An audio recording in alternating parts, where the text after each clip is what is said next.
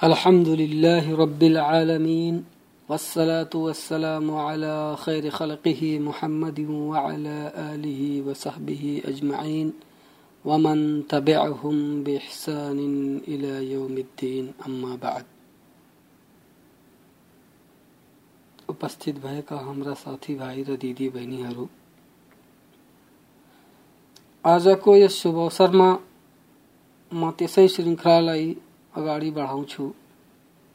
जसलाई म निरन्तरताले वर्णन गर्दै आएको छु। यसभन्दा पहिलाको बैठकमा मैले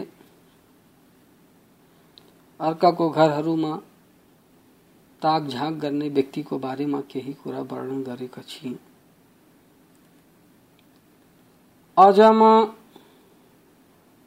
तीन जनाको समूहमा दुईजनाले काने खुसी गर्ने कुराबाट आफ्नो यस बैठकको आरंभ गर्दछु आशा छ कि अल्लाह हामी सबैलाई यसबाट लाभ प्रदान गरून् र हामी सबैलाई सत्य भन्ने र सत्य बमोजिम कार्यरत रहने सो अवसर प्रदान गरून्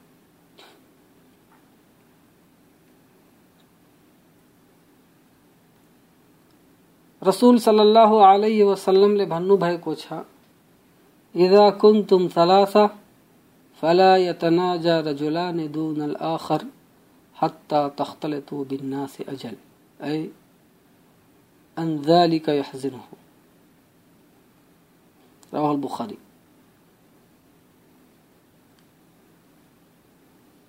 तीन जनाको समूहमा दुई जनाले काने खुसी गर्नु कुनै पनि बैठक अथवा सभामा काने खुसी गर्नु ठूलो विपदाहरू मध्ये एक हो। जसद्वारा शैतान मुसलमानहरू बीच विभाजन र विद्रोह सिर्जित गर्छ। एकलाई अर्कोको दृष्टिमा घृणित बनाइदिन्छ र रसूल अलैहि वसल्लमले यसको हराम हुने कारणलाई वर्णन गर्दै भन्नुभएको छ। कि दुईजना तेस्रोको उपस्थितिमा काने खुसी नगरून् ताकि त्यसलाई दुखी गरून्। यसलाई बुखारीले वर्णन गरेका छन्। हेर्नुहोस् फतहुल बारी, भाग ग्यारह पेज तिरासी। त यसको कारण के हो? कि अर्कोलाई दुखी गरिन्छ। र यस हुकुममा यो पनि सम्मिलित छ कि चारजनाको समूहमा तीन व्यक्ति काने खुसी गरून् अनि चौथो तिनीहरूबाट भयभीत भइहालोस् र यस्तै यसैको हुकुममा यो पनि छ कि दुईजना यस्तो भाषामा कुरा गरून्, जसलाई त्यहाँ उपस्थित तेस्रो व्यक्ति बुझ्दैन। र यस कुरामा कुनै सन्देह छैन कि जब दुईजना काने खुसी गर्न थाल्छन्, त उनीहरूको दृष्टिमा तेस्रो घृणित हुन्छ। वा त्यो यो सोच्नुमा बाध्य भइहाल्छ कि यी दुवै मसित विश्वासघात गर्न चाहन्छन्। वा मलाई कुनै हानि पुर्याउन चाहन्छन्। यसले गर्दा, हे हाम्रा भाइ र दिदी बहिनीहरू तपाईँहरू यस्तो प्रकारले काने खुसी नगर्नु। किनकि यो इस्लाम धर्ममा ठूलो अपराध हो। यस्तै ती अवैधानिक कार्यहरूमाथि मध्ये जसलाई अधिकांश मानिसहरूले गर्हणीय ठानेका छन्, लुगालाई गोलीगाँठ भन्दा तल गरेर लगाउनु पनि हो। लुगालाई गोलीगाँठ भन्दा तल गरेर लगाउनुलाई मानिसहरू कुनै महत्व दिँदैनन्, बरु यसलाई बेवास्ता गर्दछन्, तर यो अल्लाहको दृष्टिमा अति महत्वपूर्ण र ठूलो कुरो हो। र केही मानिसहरू त अति लामो लुगा लगाउँछन् कि त्यो लुगा भुइँमा घिसिन्छ अबू जर रजियल्लाहुको वर्णन छ कि रसूल सल्लल्लाहु अलैहि वसल्लमले भन्नुभयो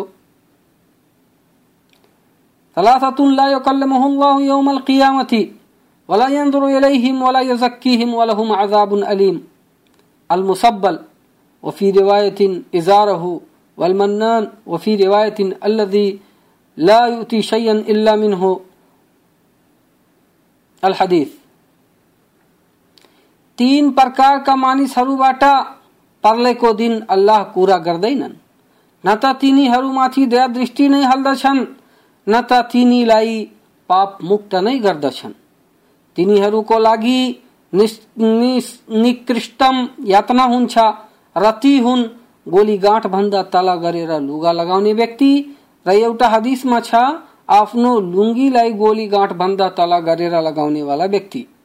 र चुक्ली गर्दै हिँड्ने मान्छे र एउटा हदिसमा छ जुन कुनै दान गरेर उपकार जताउँछ। र त्यो व्यक्ति जुन झुटो शपथ खाएर आफ्नो सामान बिक्री गर्दछ। मुस्लिम भाग एक पेज एक सौ दुई। र जुन मान्छे यो भन्छ कि म अहङ्कारले गर्दा आफ्नो लुगालाई घिसारी राखेको छैन, त यो कुरो अमान्य छ। र यातनाको आदेश सबैमाथि लागू हुन्छ, चाहे त्यो अहङ्कारले गर्दा यस्तो गरिरहेको होस् वा त्यस्तै गरिरहेको होस्। र यस कुरामाथि रसुल सल्लल्लाहु अलैहि वसल्लमको यो हदिस प्रमाणीकरण गरिरहेको छ। मा तहतल काबैन मिनल इजारी फफिन्नार, रवाहु अहमद। जसको लुङ्गी गोली गाँठ भन्दा तल भयो, त त्यो नर्कको आगोमा अवश्य जानेछ। यसलाई अहमदले भाग छ, पेज दुई सौ चौवनमा वर्णन गरेका छन् र यो सहिहुल जामेको हदिस नम्बर पाँच हज़ार पाँच सौ एकात्तरमा पनि वर्णित छ। र जब मान्छे आफ्नो लुगालाई घमण्डले गर्दा गोली गाँठ बंद तल लगाउँछ त त्यसको यस कार्यको जगन्यता अरू अधिक भइहाल्छ। यसर्थ, त्यसको यातनामा अरू अभिवृद्धि भइहाल्छ। जस्तो कि रसुल सल्लाह वसलमले भन्नुभयो जसले अहङ्कारले गर्दा आफ्नो लुगालाई घिसारेर हिँड्छ त पल्लेको दिन अल्लाह त्यसमाथि दया दृष्टि हाल्दैनन् बुखारी हदिस नम्बर तीन हज़ार चार सौ पैसठ। किनकि यस मान्छेले दुई हराम कार्य गर्यो। अर्थात् लुगा घिसार्नुको साथै अहङ्कार पनि गर्यो र लुगालाई घिसार्नु समस्त लुगालाई सामेल छ। जस्तो कि यस कुरामाथि हज़रत इब्ने उमरको यो कथन प्रमाणीकरण गरिरहेको छ उहाँले भन्नुभयो लुगालाई घिसार्नुमा लुङ्गी, कमिज, र पगडी सम्मिलित छन्। यसर्थ जसले पनि मध्ये कसैलाई अहङ्कारले घिसारेर हिँड्छ, पर्लेको दिन अल्लाह त्यसमाथि दया दृष्टि हाल्दैनन्। अबु दाउद, भाग चार, पेज तीन सौ त्रिपन, र जामे, हदिस नम्बर दुई हज़ार सात सौ सत्तर। तर महिलालाई यो अनुमति छ। कि त्यो आफ्नो लुगालाई घिसारेर हिँडोस्, ताकि त्यसको पाइलाहरू लुकेका हुन्। र वायु त्यसको पाइलालाई निवस्त्र नगरोस्, तर एक मिटर जति ठुलो भुइँमा घिसार्नु महिलाहरूको लागि पनि जायज़ छैन, जस्तो कि विवाहहरूको अवसरमा दुलहीहरू गर्छिन्। त हामीलाई थाहा यो भयो कि मान्छेको लागि भुइँमा लुगा घिसार्नु कुनै पनि अवस्थामा जायज़ छैन। तर महिलाहरूको लागि जायज़ छ, जबकि भुइँमा एक मिटर जतिको लुगा वा एक हात भन्दा बढीको लुगा नघिसरोस्। बरु अलिकति दुई चार अङ्गुर, दुई चार औंला भएको लुगा यदि घिसर छ भने यस्तो गर्नु उनीहरूको लागि उचित छ। र यस्तै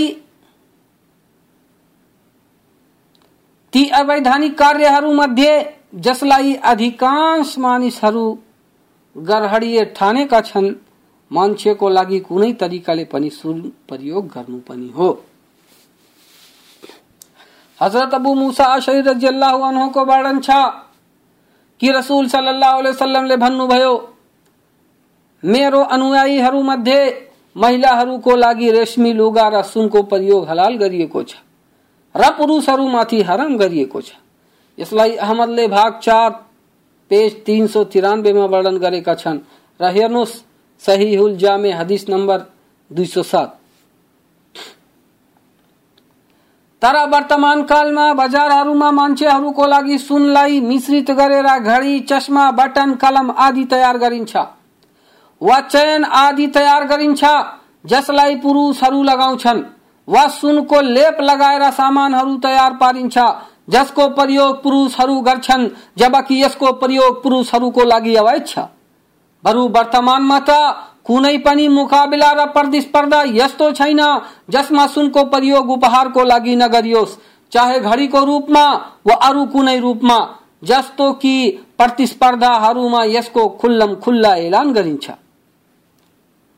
इब्ने अब्बास रजियल्लाहुको वर्णन छ कि रसुल सल्लाह वसल्लमले एउटा मान्छेको हातमा सुनको औँठी हेर्नुभयो अनि त्यसलाई निकालेर फालिदिनु भयो र भन्नुभयो तिमीहरू मध्ये केही मानिसहरू नर्कको आगोको गोल्टोलाई आफ्नो हातमा लगाउँछन् अनि जब रसुल सल्लाह वसल्लम त्यहाँबाट गए त त्यस मान्छेसित भनियो कि तिमी आफ्नो औँठीलाई लिएर त्यसबाट अरू कुनै कार्यमा लाभ उठाऊ।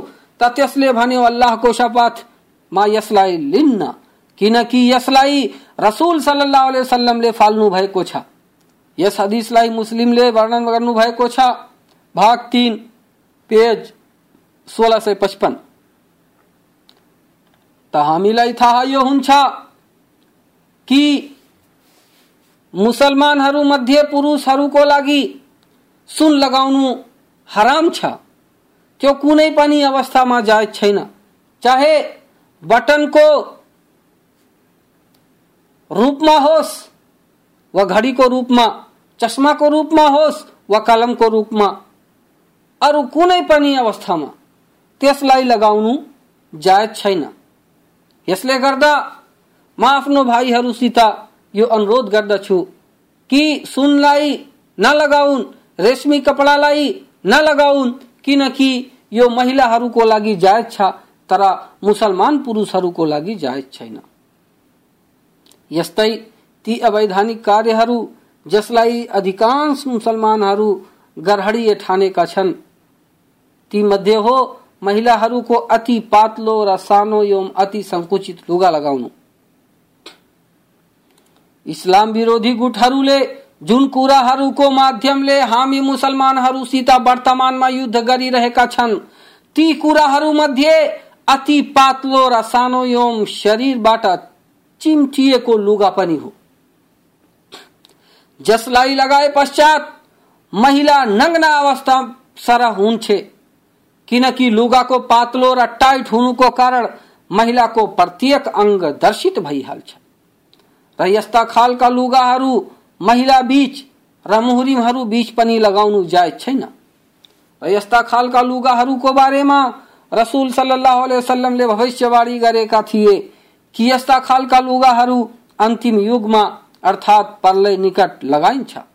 जस्तो कि अबु हुरैराको वर्णित हदिसमा छ कि रसुल सल्लाह वसल्लमले भन्नुभयो अर्थ, मैले नर्कवासीहरूको दुई थरीलाई अहिलेसम्म हेरेको छैन।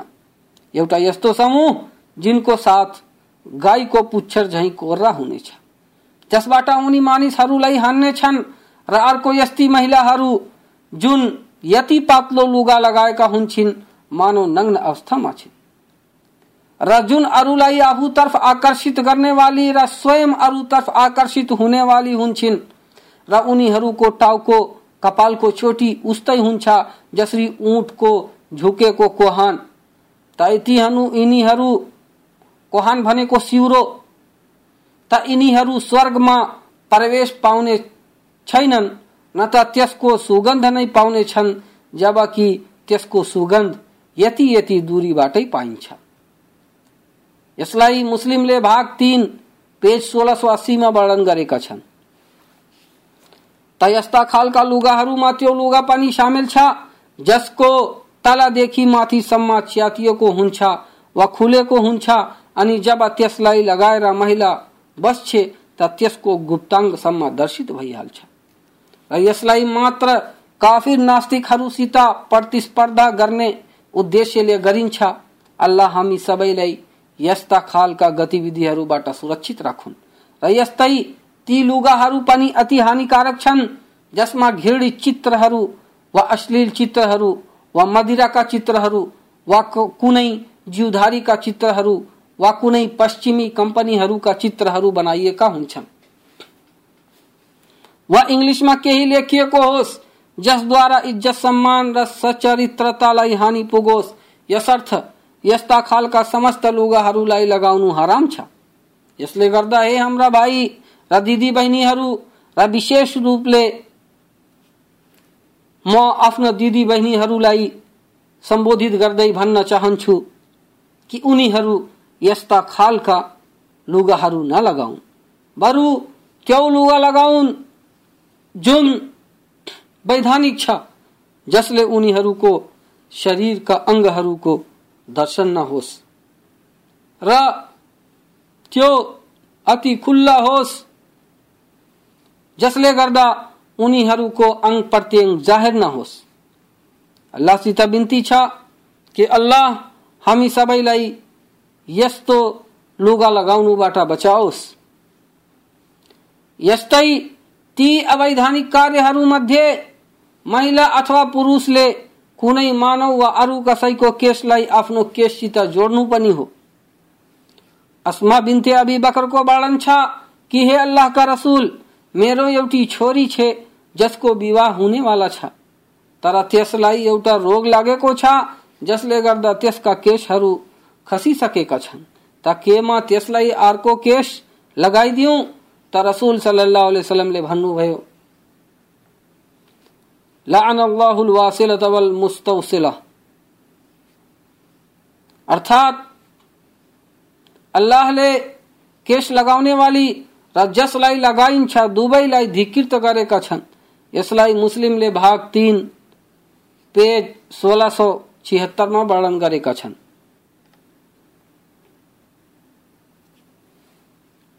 र हज़रत बिन अब्दुल्ला रज़ी अल्लाह को वर्णन छ, जजर नबी सल्लल्लाहु अलैहि वसल्लम मरअत बिरासिहा शैअन रसूल सल्लल्लाहु अलैहि त्यस महिलालाई छन्। जुन आफ्नो केसको साथ कुनै कुरा गाँसोस्, यसलाई मुस्लिमले भाग तीन, पेज सोह्र सौ उन्यासीमा वर्णन गरेका छन्। र वर्तमान कालमा विग र केसले बनेको पछाडितिर झुन्डियाइने चोटी आदि वा अरू कुनै कुरा जुन केसले निर्माण गरिएको होस् र जुन आज बजारहरूमा उपलब्ध छन्, जसलाई महिलाहरू प्रयोग गर्छिन्, सबै हराम छन्। र यसको कारणले नमाज़ पनि प्रभावित हुन्छ। र यसको उदाहरण मध्ये ती केशका विघहरू पनि हुन्। जसलाई रङ्गमञ्चमा अभिनय गर्ने स्त्रीहरू र अभिनेत्रीहरू प्रयोग गर्छिन्। र कतिपय महिलाहरू त अरूका केसहरूलाई उधार लिएर प्रयोग गर्छिन्, तर यस्ता खालका समस्त गतिविधिहरू अवैध र हराम छन्। चाहे यसलाई पुरुष गरोस् वा महिला गरोस् दुवै यसमा एकनाश छन्।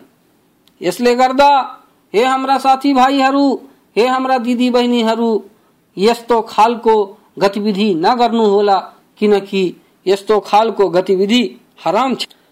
र यस्तै ती अवैधानिक कार्यहरूमध्ये खानपान, लुगा कपडा र दर्पणमा पुरुष र महिलाले एकअर्काको अनुरूपता अख्तियार गर्नु पनि हो। पुरुषलाई यो आवश्यक छ कि त्यो आफ्नो पुरुषत्वमाथि कायम रहोस्। जसमाथि अल्लाहले त्यसलाई जन्माएको छ र महिलालाई पनि यो आवश्यक छ कि आफ्नो त्यस स्त्रीत्वमाथि कायम रहोस्, जसमाथि अल्लाहले त्यसलाई सृष्टि गरेको छ। र यो यस्तो कुरो हो, जसमाथि समस्त मानव निर्भर छन्, र यसैको माध्यमले यो संसार र सांसारिक जीवन प्रचलित छ। यसर्थ महिलाले पुरुषको अनुरूपता अख्तियार गर्नु र पुरुषले महिलाको अनुरूपता अख्तियार गर्नु त्यस प्रकृतिको उल्लङ्घन हो, जसमाथि सबैको जन्म भएको छ। र यसको कारण समाजमा उपद्रव र विद्रोहको उत्पात हुन्छ र यस कुकर्मको हुकुम पनि इस्लामीय विधान अनुकूल हराम नै छ। बरु यस्तो गर्ने मान्छेहरूलाई धिकृत गरिएको छ र धिकृत गर्नु त्यसलाई हराम गर्नु नै हो जस्तो कि जस्तो कि इब्ने अब्बासको वर्णन छ कि रसूल सल्लाह वसल्लमले धिकृत गरेका छन् त्यस पुरुषलाई जुन महिलाको अनुरूपता अख्तियार गरोस् र त्यस महिलालाई जुन पुरुषको अनुरूपता अख्तियार गरोस् यसलाई बुखारीले वर्णन गरेका छन् हेर्नुहोस् फतहुल बारी भाग दस पेज तीन सौ बत्तीस। हज़रत इब्ने अब्बास रज़ी अल्लाह को वर्णन छ कि? रसूल सल्लाह वसल्लमले धिकृत गर्नुभयो पुरुषहरूमध्ये नपुंसक बन्नेहरूलाई र महिलाहरूमध्ये पुरुष बन्नेहरूमाथि यसलाई बुखारीले वर्णन गरेका छन्। हेर्नुहोस्, फतहुल बारी, भाग दस पेज तीन सौ तैतिस। र अनुरूपता अख्तियार गर्नु कहिले काहीँ व्यवहारमा हुन्छ, त कहिले लुगा लगाउनु र दर्पणमा हुन्छ, त कहिले कुरा गर्नु र उठ्नु बस्नुमा हुन्छ। यसर्थ दुवै वर्ग पुलिङ र स्त्रीलिङलाई यो जायज़ छैन कि उनी एक अर्काको अनुरूपता अपनाउन्। चाहे त्यो अनुरूपता लुगा कपडामा होस् वा ती कुराहरूमा जुन एक अर्कासित विशिष्ट छन्। त पुरुषको लागि यो जायज छैन। कि त्यो हार र कङ्गन लगाओस् वा बाला झाला र गहना एवं ब्रेसलेट प्रयोग गरोस् जस्तो कि यस्ता खालका गतिविधिहरू अधिकांश प्रेमीहरूमा देखिन्छ र उनी जस्तै लोफरहरू पनि गर्छन्। र यस्तै महिलाहरूको लागि पनि यो जायज छैन। कि त्यो त्यस लुगालाई लगाओस् जुन पुरुषहरूको लागि विशिष्ट गरिएको छ जसरी सर्ट कमिज आदि। बरु आवश्यक यो छ कि दुबईको कपडाको रंग र बनावट भिन्न होस् जस्तो कि हजरत अबु हुरैराले वर्णन गरेको यो हदिस जसलाई प्रमाणीकरण गरिरहेको छ हजरत अबु हुरैराको वर्णन छ कि रसूल अलैहि वसल्लमले भन्नुभयो अल्लाहले अभिशप्त गरेका छन् त्यस मानिसलाई जुन महिलाको लुगा लगाओस् र त्यस महिलालाई जुन पुरुषको लुगा लगाओस्। यसलाई अबु दाउदले भाग चार पेज तीन सौ पचपनमा वर्णन गरेका छन् र यो हदिस सहीहुल जामेको हदिस नम्बर पाँच हज़ार एकहत्तरमा पनि वर्णन छ। यसले गर्दा, हे हाम्रा दिदी बहिनीहरू र हाम्रा साथीभाइहरू, तपाईँहरू, एक अर्काको अनुरूपता अख्तियार नगर्नुहोला। महिला, महिलाको अनुरूपता अख्तियार गरोस्। र पुरुष पुरुषको पुरुषलाई यो जायज़ छैन कि महिलाको अनुरूपता अख्तियार गरोस्, र महिलालाई पनि यो जायज़ छैन कि त्यो पुरुषको अनुरूपता अख्तियार गरोस्। चाहे त्यो लुगामा होस्, वा बानी बिहोरामा होस्, वा कार्यमा होस्। यस्तै ती अवैधानिक कार्यहरूमध्ये जसलाई अधिकांश मानिसहरूले गर्हडीय ठानेका छन् कपाललाई कालो गराउनु पनि हो। यस बारेमा सही र सत्य कुरो यो नै हो कि कपाललाई कालो गराउनु हराम छ, जस्तो कि रसुल सल्लाह वसल्लमको फरमान छ, अन्तिम युगमा यस्ता मान्छेहरू आउनेछन् जुन आफ्नो केशलाई कालो, खेजाब, मेहदी लगाएर कालो गर्नेछन्। ढुकुरको पङ्ख झैँ र यिनीहरू स्वर्गको सुगन्ध पनि पाउनेवाला छैनन्। यसलाई अबु दाउदले भाग चार पेज चार सौ उन्नाइसमा वर्णन छन्। र यो सहीहुल जामेको हदिस नम्बर आठ हज़ार एक सौ त्रिपन्नमा पनि वर्णित छ। र यस्तो गर्नु धेरै ती मानिसहरूमा प्रचलित भइसकेको छ, जुन वृद्ध भइसकेका हुन्छन्।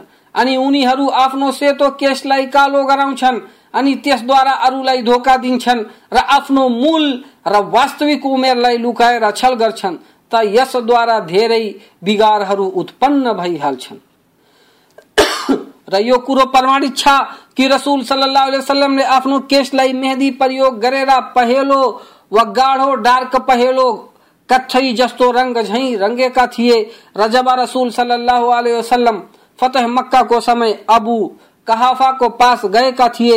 यस्तो अवस्थामा कि अबू कहाफा को केश टल्किदो सेतो थियो, त रसूल सल्लल्लाहु अलैहि वसल्लमले भन्नु भएको थियो, तिमीहरू यसलाई सेतो केशलाई कुनै कुराले परिवर्तित गर तर कालो गर्नुबाट बाँच्नु।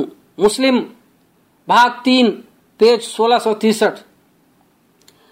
त यसमा अर्थात् कपाललाई कालो गर्ने कुरामा महिला पनि पुरुष झै छे त्यसको लागि पनि केशलाई कालो गर्नु हराम छ।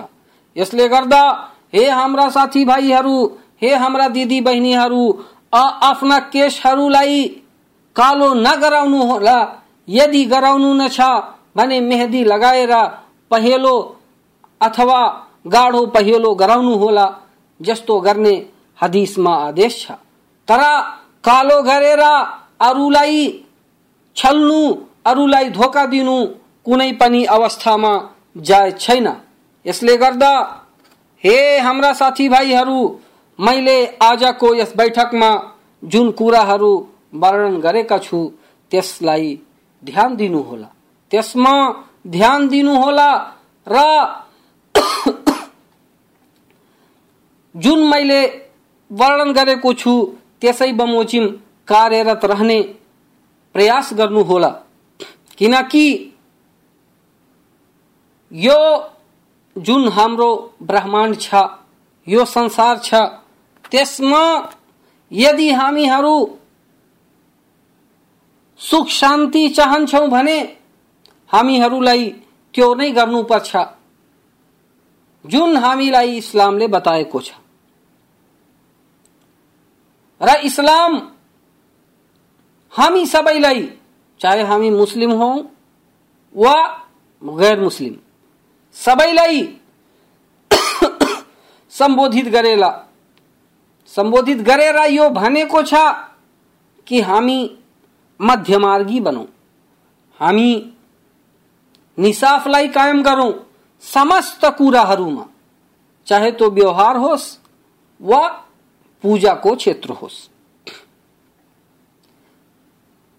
शेखुल इस्लाम इब्ने तैमियाले भन्नुभएको छ कि यस संसारमा यदि कुनै राज्य यस्तो छ, जुन मुस्लिम राज्य हो, तर त्यहाँ कार्यहरूमा सन्तुलन छैन, त्यहाँ न्याय निसाब छैन भने त्यो मुल्क त्यो राज्य त्यो देश सम्पन्न देश हुन सक्दैन? त्यहाँ शान्ति स्थापित हुन सक्दैन। त्यहाँका वासीहरू सम्पन्न हुन सक्दैनन्। त्यहाँ खुसी र समृद्धि आउन सक्दैन। यद्यपि त्यहाँका मानिसहरू मुसलमान किन नहुन्? त्यहाँको सत्ताधारी मुसलमान किन नहोस् तर यदि देश गैर मुस्लिमको छ, र त्यहाँ न्याय निसाब छ, त्यहाँ मध्यमार्गिता छ, भने त्यहाँ समृद्धता, र सम्पन्नता आउँछ त्यहाँका मानिसहरू त्यहाँका वासीहरू सम्पन्न हुन्छन् खुसी हुन्छन् त्यहाँ प्रशान्ति हुन्छ कारण के हो? कारण जुन इस्लामले बताएको छ मध्यमार्गिता र न्याय निसाफ त्यसलाई कार्यान्वयनमा ल्याउनु हो। यसले गर्दा मेरो भनाइको तात्पर्य यो हो कि हामी यदि यस लोकमा र अर्को लोकमा शान्ति, समृद्धि, सफलता चाहन्छौँ भने हामीमाथि यो अनिवार्य भइहाल्छ कि हामी त्यस्तै कार्य गरौँ गरौँ जसरी इस्लामले हामीलाई गर्ने आदेश गरेको छ जसले गर्दा हामीहरू प्रशान्तिको साथ यस संसारमा जीवन व्यतीत गर्न सकौं र परलोकमा गएर स्वर्ग प्राप्ति पनि होस्। अब म अन्त्यमा अल्लाहसित यो याचना गर्दछु कि हे अल्लाह, हामी सबैलाई सत्य मार्गमा लगाइदेऊ र हामी सबैलाई सत्यवान बनाइदेऊ र हामी सबैलाई इस्लाम धर्म अनुकूल कार्य गर्ने सुअवसर प्रदान गर। हे अल्लाह, हे हाम्रो प्रतिपालक हामीहरूमाथि दया गर। हामीहरूका पाप र त्रुटिहरूलाई क्षमा गर। र हे अल्लाह, हाम्रो पापहरूलाई पुण्यमा परिणत गरिदेऊ। हे अल्लाह, हामी मध्ये जुन मानिसहरू बिरामी छन्, उनीहरूलाई सन्चो गरिदेऊ हे अल्लाह, हामी मध्ये जुन मानिसहरू यस रमजानको महिनामा रमजानलाई त पाएका छन्, तर त्यसमा उनीहरू बिरामी छन् वा अरू कुनै कारणले व्रत बस्न सक्दैनन्, उनीमा यति सामर्थ्य छैन कि व्रत बस्न सकुन्। त उनीहरूलाई यस बाध्यताबाट मुक्त गरिदेऊ र उनीहरूलाई त्यो शक्ति प्रदान गर, जुन जसले गर्दा उनीहरू व्रत बस्न सकुन् र तपाईँको दया पाउन सकुन्। र हे अल्लाह, हामी मध्ये जुन मानिसहरू यस रमजानको महिनामा व्रत बसिराखेका छन्, उनीहरूलाई त्यसमा अग्रसर गर र त्यसमा सुदृढ रहने सुअवसर प्रदान गर रहे अल्लाह। हामी मध्ये जुन धनवान छन् उनीहरूलाई त्यस धनलाई अल्लाहको मार्गमा अल्लाहको बाटोमा नेकी र पुण्यको कार्यमा खर्च गर्ने सुअवसर प्रदान गर। किनकि रसुल सल्लाह अलैहि वसल्लम यस महिनामा वायुभन्दा अधिक उदार, उदारक हुन्थे, उदारता देखाउँथे। त हामीहरूलाई पनि चाहियो कि हामी उहाँको अनुसरण गर्दै गरिबहरूको ख्याल गरौं र उनीहरूमाथि उदारता देखाउँ। यस्तै, हे अल्लाह, हामी मध्ये जुन ऋणी छन्, उनीहरूको ऋणलाई चुक्ता गरिदेऊ र हामी मध्ये जुन निसन्तान छन्, उनीहरूलाई सन्तान देऊ। हे अल्लाह, यस रमजानको महिनामा उनीहरूको दुवालाई कबुल गर र हे अल्लाह, हामी सबैलाई सत्य पथमा लगाएर आफ्नो स्वर्गमा स्थान प्रदान गर अकुल कौली हादा वस्तगफिरुल्लाह ली वलकुम